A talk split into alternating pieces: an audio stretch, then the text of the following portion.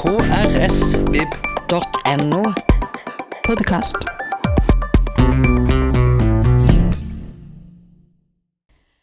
Ja, hei og hjertelig velkommen til Fredagslunsj. Og jeg må si da også, dere publikum er sårt etterlengta her. Men vi får komme hjem til dere iallfall. Um, I år er det altså 100 år siden Jens Bjørneboe ble født. Og det har vi allerede markert noen ganger. Og vi håper jo også til høsten at vi kan få til noe med Bjørneboe-dagen. Um, I dag så tar vi for oss en høyst aktuelt stykke i disse dager, nemlig Semmelweis, et anti-autoritært skuespill. Og da har vi fått besøk av amanuensis på nordisk og mediefag Oddbjørn Johansen. Tusen takk for at du ville komme til oss i dag.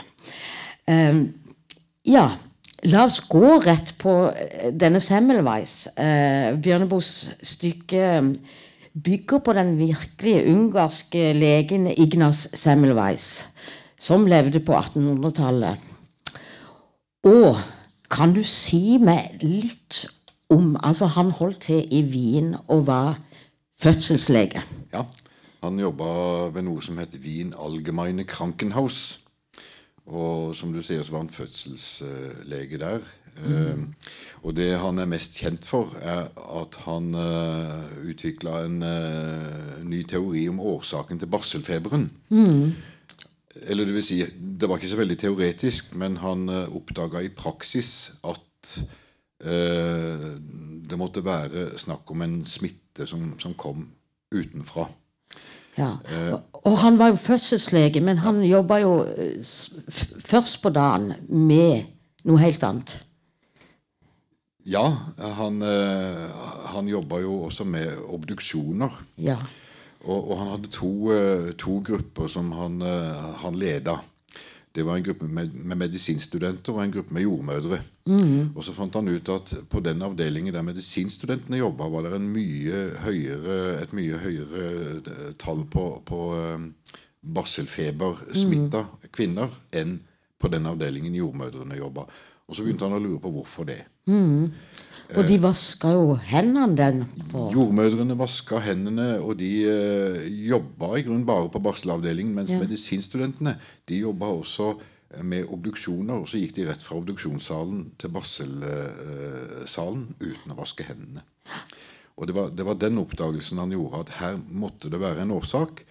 Og uh, så beordra han da studentene til å vaske hendene i klorkalk, og dødstallene sank.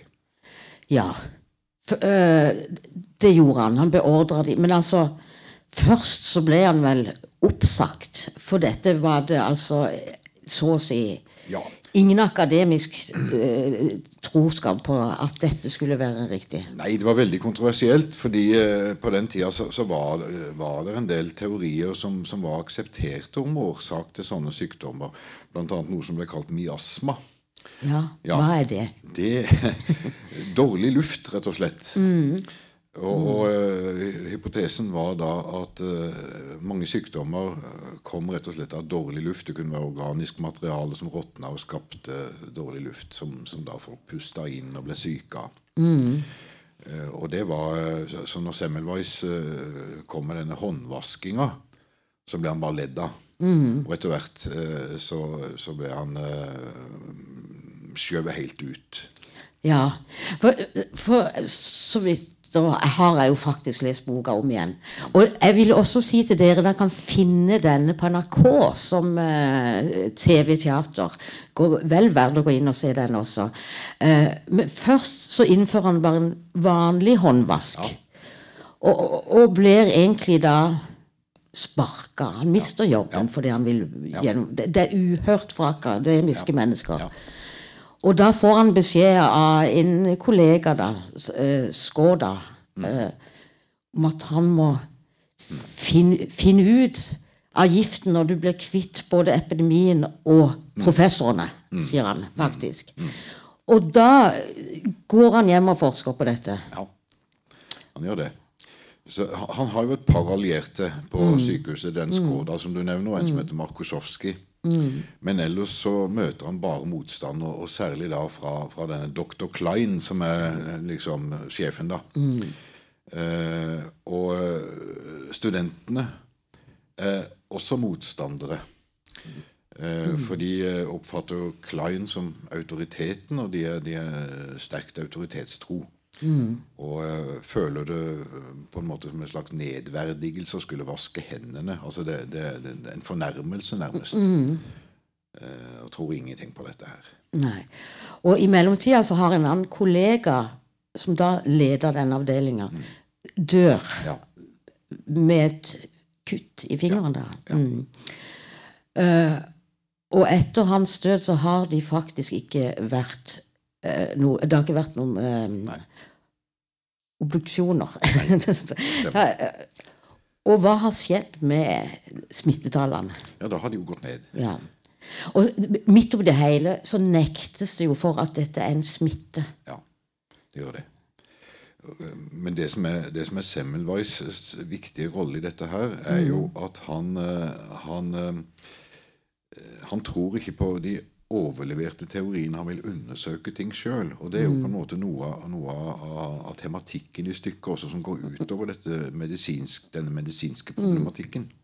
Dette er jo veldig Bjørneboe-ånd, da. Ja. Som tror på svikeren. Ja. Den som går mot systemet. Den som ikke, ikke den eleven som bare sier ja, men som sier nei. Den gode svikeren. Ja. Og det skrev han et helt essay om, som han kalte 'Svikeren'. Eh, opprinnelig holdt som et, et foredrag i Studentersamfunnet, men så, så ble det utgitt seinere i en essay- essaysamling. Uh, og den gode svikeren er som du sier den som uh, ikke tror på systemet, som, som betrakter ting kritisk fra en utenfra-posisjon og er analytisk. Eh, nå er jo selve ordet 'sviker' noe som vi vanligvis forbinder med noe negativt, altså et minusord, men, men i Bjørneboes begrepsverden så er det et plussord. Eh, og han siterer Nietzsche også der, eh, som en gang skal ha sagt at eh, den, en gode elev er den som er ulydig mot sine lærere. Og her har vi jo virkelig en, eh, en som står opp mot autoriteter. Da. Men klarer, klarer jo ikke å nå fram. Han gir jo også ut eh, Ja, vi må jo bare innom altså, dette med hvordan han iallfall i stykket, om ikke dette virkelig skjedde eh, tilbake på 1800-tallet, men dette med hvordan han kommer fram til klor. Ja. ja, absolutt. Han er jo en, eh, en, eh, en vitenskapsmann som går systematisk til verks. Og som du sier, selv om man ikke eh, oppnår anerkjennelse i sin levetid eller innenfor stykkets rammer, altså selve hoveddramaet, så blir han anerkjent eh, på et seinere tidspunkt. Eh, og Louis Pasteur, som, som er den store, det store navnet innenfor eh, bakteriologihistorien, han henviser jo til Semmelweis og, og eh, gir han kreditt for han, eh, eh, den, de oppdagelsene han gjorde. Men den fikk han ikke i sin levetid. Eh, det, han Nå kan det jo være at han ikke heller var noe enkelt menneske å jobbe sammen med. Det kan godt være. Ja. For uh, ja, iallfall i Bjørneboes versjon så, så går han rundt og kaller eh, alle mordere Ja. som jobber på fødeklinikker. Ja. Og, ikke, og, og det er klart, det er jo ikke noe veldig sånn eh, imøtekommenhet over det. Nei da. Og, og eh, han, han framstår og blir presentert på en måte av Bjørnboe som en antiautoritær. ikke sant? Men, men han er jo ganske autoritær sjøl overfor studentene, f.eks. Mm. og det spørsmålet fikk eh, Bjørneboe også i det store TV-intervjuet med Hågen Ringnes, som ble tatt opp på NRK rett før Bjørneboe døde. Eh, Ringnes, eh, sier du, som har eh, jobba mot autoriteter og vært en forkjemper for det au- antiautoritære. Du kan jo virke ganske autoritær sjøl. Ja da, Bjørn, Bjørneboe er enig, det, er enig i det. Men det, det har liksom noe med, med nødvendigheten av å fortelle sannheten å gjøre. Og av og til så må en da trø skikkelig til. altså. Og, ja, og hvis vi da går ut fra Bjørneboe sjøl, så er det det med hvem forvalter sannheten, da? Ja, Som for så vidt kunne blitt spørsmålet. Ja.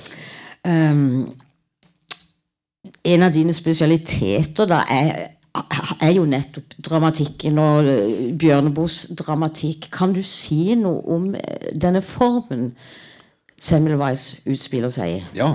Eh, det har jo en, eh, altså Skuespillet har jo en, en, en ganske spesiell komposisjon. Du har et sånt eh, det vi kan kalle kjernedrama, selv, selve skuespillet om Semmelweis, som er lagt tilbake i tid, ikke sant, til midt på 1800-tallet, eller rundt 1860. Eh, men så er det eh, noen sånne rammespill både i begynnelsen og på slutten. To stykker, faktisk. Så det er to innramminger der. Eh, og det er et grep Bjørneboe har brukt bl.a. for å aktualisere tematikken som han vil ha fram i hoveddramaet. Dette stykket er jo skrevet i 1968. Og veldig sterkt inspirert også da av, av alle studentopprørene i 68 og alt som, som skjedde i verden, eh, og særlig i Europa da. Eh, og vi har jo seinere fått, fått det som begrep, ikke sant, 68-revolusjonen. Så eh, de studentene som er ganske servile og autoritetstro i selve stykket, de får på en måte sitt motstykke i studenter på nåtidsplanet, dvs. Si i 1968, som i et av disse, en av disse innledende scenene okkuperer teatret. Eh, der er kulissene rigga til, eh, til, til, til aftenens operette eller musikal, står det. Og, og så stormer eh, studentene scenen eh, og okkuperer teatret og vil eh, da eh, framstille et annet stykke som skal handle om autoritet og antiautoritet. Og Det som er litt spesielt med Bjørnboe som dramatiker, det er at han, han aldri legger skjul på hva det er han eh, vil fortelle, eller hva tematikken skal være. Og I Semmelweis så presenterer han det flere ganger, først i et eget forord, som publikum skal kunne lese i teaterheftet før stykket begynner. ikke sant? Dette er et stykke om autoritet og antiautoritet. Og så forklarer han hva det er han vil med stykket. Og så eh, okkuperer studentene teatret i det første forspillet og gjentar på en måte tematikken. Og så får du enda eh, et forspill, eller en slags prolog, eh, som også er en samtidsprolog, men det er en kontrast igjen til studentenes okkupasjon, for der befinner vi oss da på universitetet, der universitetets rektor skal avduke en statue av Semmelweis for å feire denne store vitenskapsmannen.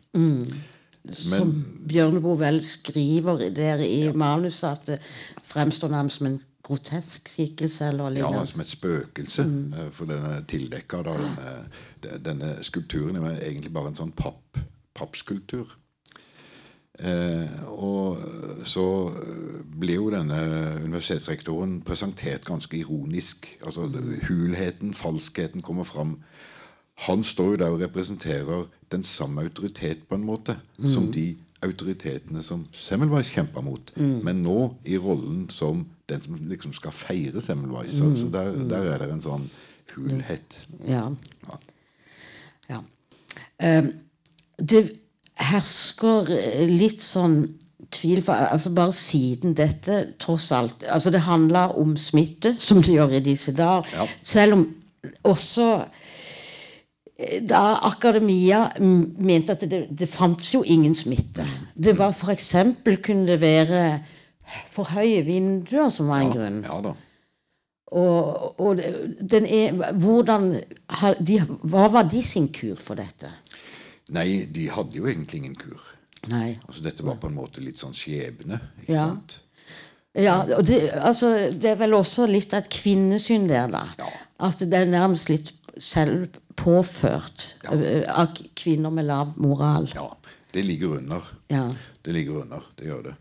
Ehm, og ehm, eh, jeg tror ikke vi skal dra parallellen for langt, men eh, hvis en ser på debatten nå om denne koronasmitten, eh, så hører vi jo stadig at ja, det er mange dødsfall, men det er jo tross alt de eldste som dør, liksom. Altså, Mm, Er ikke de gamle noe verdt? Eh, det er en del sånne ting som en kan filosofere litt over. absolutt. Eh, kan man også trekke det Er det å trekke det langt og, og, og se også på det med Altså, eh, akademia de, de, de gjorde dette til falskhet. At Semmelweis disse forsøkene han hadde gjort, dokumenteringene hans sine, de var falske. Eh, fake news. Eh, altså gjorde alt for at ikke de resultatene han satt på, stemte overens med virkeligheten. Ja, de var ubehagelige, fordi eh, det rokka jo da både ved autoriteten til eh, det som var vitenskapsparadigmet da, og til, til eh, sykehusets ledelse, til forskningen som eksisterte da. Eh, og dette hadde jo med prestisje å gjøre. Et voldsomt prestisjenederlag hvis det rett og slett var så enkelt at de bare skulle vaske hendene. Mm, sant? Kan ikke være så enkelt. Og dette med at iallfall her i stykket, da At det er liksom en dotømmer som har sittet på den store løsninga. Ja. Det, det vil jo ikke akkurat gjøre saken bedre. Nei. Eh, men dette med å dra det til virkeligheten, da Det har jo vært oppe både dette at om Kina etter den egne legen varsler ja, I legetidsskriftet så kalles Som, som tar for seg eh, Bjørneboes eh, Semmelweis. Ja. Der lyder overskriften eh, 'Bjørneboe en varsler'. Ja. Og det var en varsler i Kina ja. som jo døde, og som ikke ble hørt. Det snakkes i USA om at man har visst og ikke handla. Det økonomiske kommer først. Italia. Har stykket en relevans i den forstand? Ja, det, det syns jeg absolutt eh, det kan ha. Um, eh, For den, den sannheten da som eh, Semmelweis kommer med, den, den er jo, som jeg nevnte i stad, ubehagelig først og fremst fordi den rokker ved autoritetenes autoritet. Og stiller spørsmål, setter spørsmålstegn ved det som er eh, allment akseptert. Ehm, så, så sånn sett så, eh, så har det relevans. Og det har jo også relevans på, på et mer sånn enkelt, banalt plan. ikke sant? Vask hendene, sier mm. Semmelweis. Eh, og han formaner studenten til hele tiden. Han har disse, disse smittevernreglene ikke sant, som de skal følge. Vi nyter jo rett og slett godt av hans funn i disse dager. Ja. Det, det må vi iallfall kunne si. Eh, og så lurer jeg litt på hvis, Kan du se for deg Hvem hadde Semmelweis vært i dag, tenker du? Eh, altså for du har Dette er jo også man, man regulerer jo dette forskjellig. Vi har jo de svenske varianten der. Ja. Og så har vi nesten resten av Europa. Altså, Hvor ville Semmelweis vært i dette? Jeg vet ikke om jeg skal eh, driste meg til å plassere han der. Eh, det mm, Der er det jo store faglige diskusjoner mellom landene og også mellom fagmiljøene. Så sånn, sånn personlig så, så eh, så stusser jeg over svenskenes eh, måte å prøve å løse det på, da. Um, Men men det jeg vet ikke om jeg vil plassere Semmelweis inn. inn Nei, nei, men eh, altså, hvis du da ser på dette med autoriteter altså ja. Nærmest i alle land så har man liksom godtatt myndigheter. Ja og det har jo gjeldt eh, i Sverige også. Det, det, det stemmer. Og eh, det har blitt sagt både av eh, utenlandske medier og i svenske medier at eh, og, og svenskene sier det sjøl, at uh, svenskene har en, en sterk tiltro til medisinske autoriteter. Ja, Og de står over politikerne. ja nettopp. Og, og altså, det er Det kommet veldig lite kritikk. Det har vel kommet litt nå etter hvert. Ja, det kom jo eh, Det, det var jo 22 uh, svenske forskere som skrev et uh, kritisk innlegg i Dagens Nyheter for en stund siden, der de kritiserte den svenske strategien. og kanskje vi kunne se de som en slags eh, Semmelweiser. Mm. Selv om sammenhengen. Nå kan ikke jeg huske helt begrepene de brukte, men de, de har trukket tilbake et par begreper som de skjønte de gikk for langt. Ja, Så Ja. Dette med flokkimmunitet som er litt sånn usikkert. Ja. Ja. Mm, mm. Men nå beveger vi oss inn på et eh, felt der jeg ikke skal påberope meg å være noen ekspert. Men hvis du se, ser på stykket til Bjørneboe, altså Semmelweis eh, Jeg vil jo si tematisk så står det seg jo veldig fremdeles. Men eh, hva vil du si om stykkets kvaliteter nå? Jo, det er absolutt noen tidløse kvaliteter ved det. Og Bjørneboe sjøl var jo opptatt av at Semmelweis bare var et eksempel. Men det fantes mange andre eksempler i historien, og det vil eh, komme, dukke opp eh, nye eksempler. Han nevnte Giordano Bruno som et eksempel, som en sånn typisk Semmelweis, eller en sviker som, som sto oppe for, eh, for sannheten mot flertallet. Eh, Jesus trakk han inn også, som et eksempel. Eh, og på stykkets nåtidsplan så er det jo de protesterende studentene. Eh, og han tar vel utgangspunkt kanskje i studentopprøret i Paris i særlig grad i, i 68. Eh, og ser på det som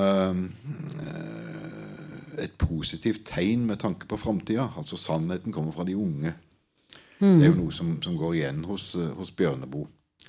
Ja. Ja. Han skriver jo mye til ungdommen også, sånn direkte ja, foredrag og, Ja og um, Celine har også skrevet om, om Semmelweis. Ja. Og han eh, mener um, at Semmelweis Eller han gjør Semmelweis til eh, et offer både for autoritetenes blindhet, Mm. men også for egen entusiasme, fordi han, ja, han antyder at uh, de oppdagelsene han gjorde, var, var for mye for han å bære, på et Ja. vis. ja. Eh, Bjørneboe har vel et litt annet eh, en litt annen innfallsvinkel til det. Uh, ja, det blir jo for mye for han å bære, viser det seg. Han havner på, på sinnssykehus, eh, mister forstanden. Eh, og i stykket så antydes det vel både at det har noe med all den motstanden han har fått å gjøre, men også at han skjærer seg i fingrene faktisk får barselfeber. Det er det han dør av. Det er jo skjebnens ironi. Ja, det er skjebnens ironi. Men hos Bjørneboe er det ofte sånn at uh, det å kjempe for sannheten, det er noe man gjør med livet som innsats. Eh, men eh, igjen, altså jeg henviste til et legetidsskrift, altså Det norske legeforeningens tidsskrift, som heter Tidsskriftet. Ja. Der det er snakk om altså, dette med vaddeblodforgiftning, som eh, Ja. det han jobber med. Der kommer det et par andre teorier. Jeg vet ikke, Kjenner du til Nei, de, det kjenner ikke detaljene Nei, men kjenner du til andre teorier om hva han kan ha dødd av? Eller er den mest allmenne oppfatningen dette med blodforgiftning? Ja, det er sånn jeg har oppfatta det. Ja.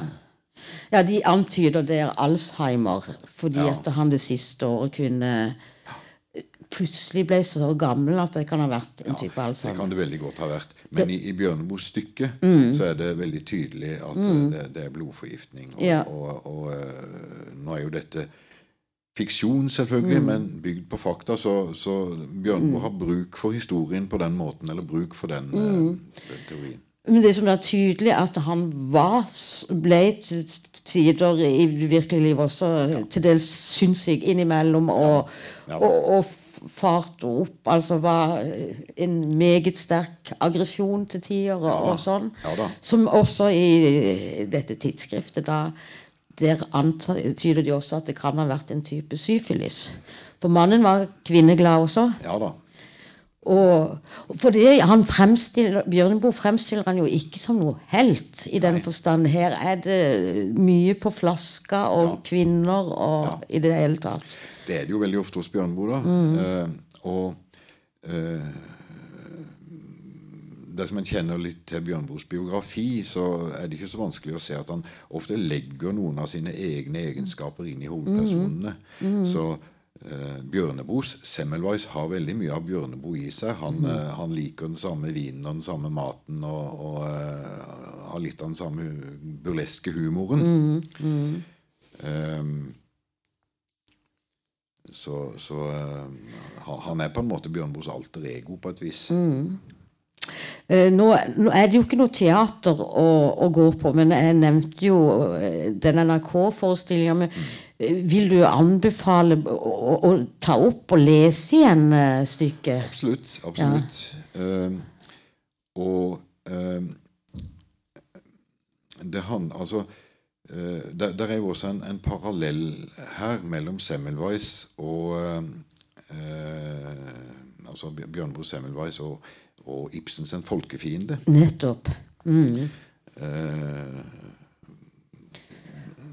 Dr. Stockmann i En folkefiende han eh, har jo en annen sak han kjemper for, men det, det går på veldig mye av det samme. eh, mot, eh, mot flertallet. Altså den, den som kjemper for sannheten, står alene. Ja. Eh, og så er det disse økonomiske interessene da, og prestisje og sånn som, eh, som autoritetene er låst i, på et vis. Og der eh, blir denne sannhetsforkjemperen da ganske ensom. Og også doktor Stockmann blir jo ganske sprø etter hvert. ja, det er jo det. De har flere likhetstrekk De der. Ja. Men eh, kan, eh, kan Bjørneboe ha vært inspirert av Ibsen? Ja da, det tror jeg absolutt han kan ha vært. Men samtidig så eh, er jo Bjørneboe som dramatiker anti-ibsensk. Ja. ja. Forklar oss det. Ja, altså Bjørnboe hadde jo et omfattende forfatterskap, og han skrev innen alle sjangre.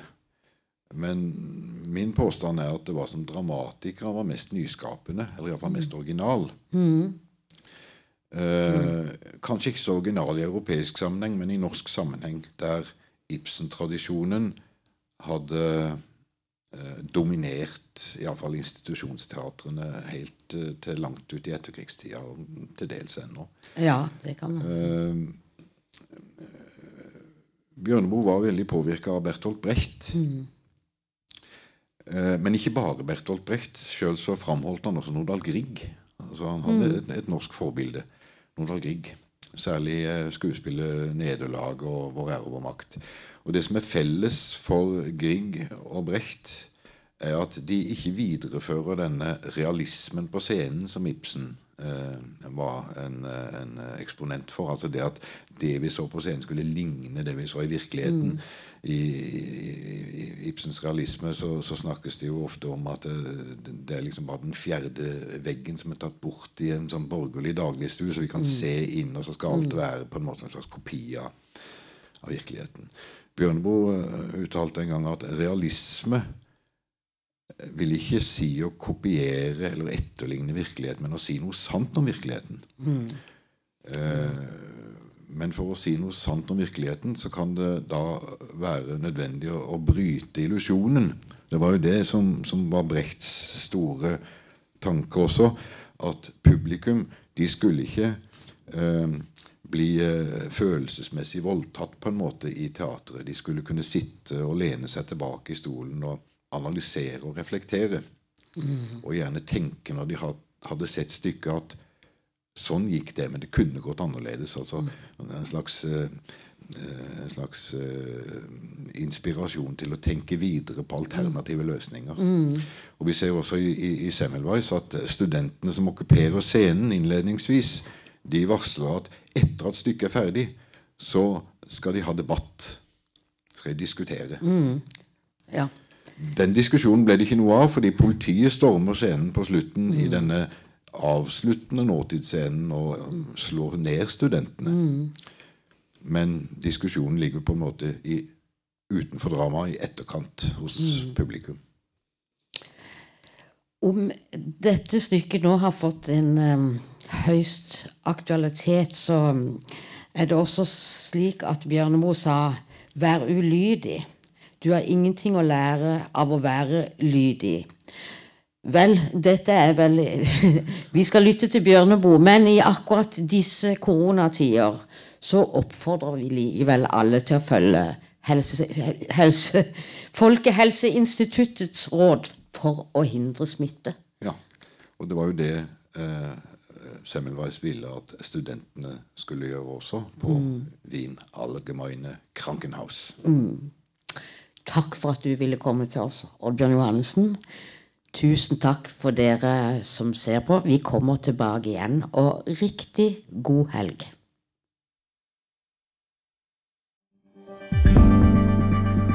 Flere podkaster fra oss finner du på Google Podkast, Apple Podkast eller iTunes, eller ved å stikke innom vår hjemmeside på krsbib.no. krsbib.no. Podkast.